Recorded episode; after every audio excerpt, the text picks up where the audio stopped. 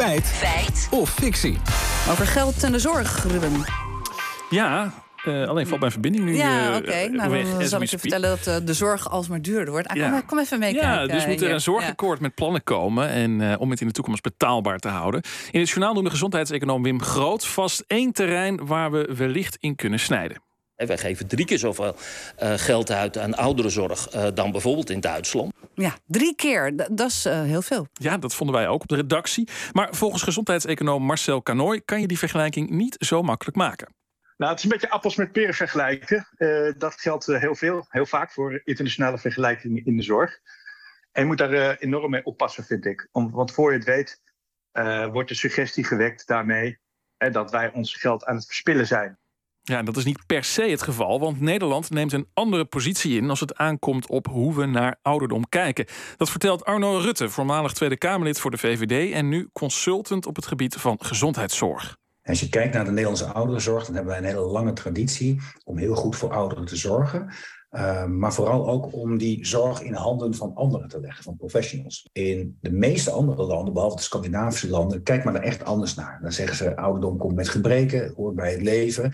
Dus primair zorg je voor jezelf, waar nodig wel met ondersteuning van professionals. En dat is dus duurder? Ja, inderdaad. Daar komen we niet onderuit met ons zorgsysteem. Al is het verschil ook weer niet zo groot als Wim Groot in het journaal beweerde, vertelt Rutte.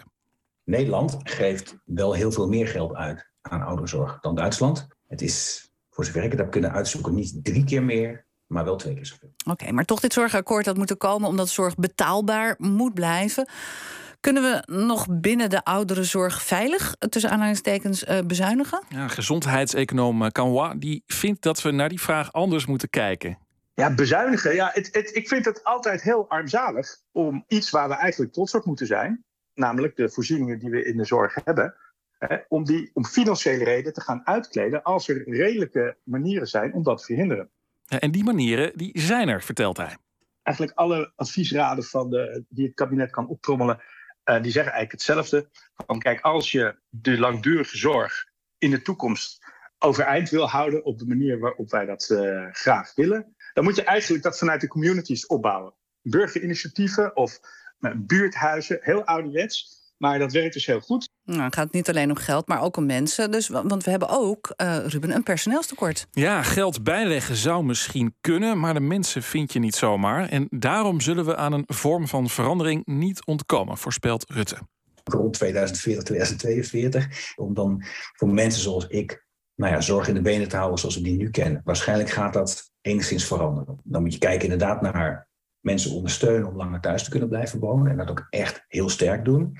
Wellicht ook mantelzorgers beter ondersteunen. En voor de rest ook heel veel kijken naar innovatie.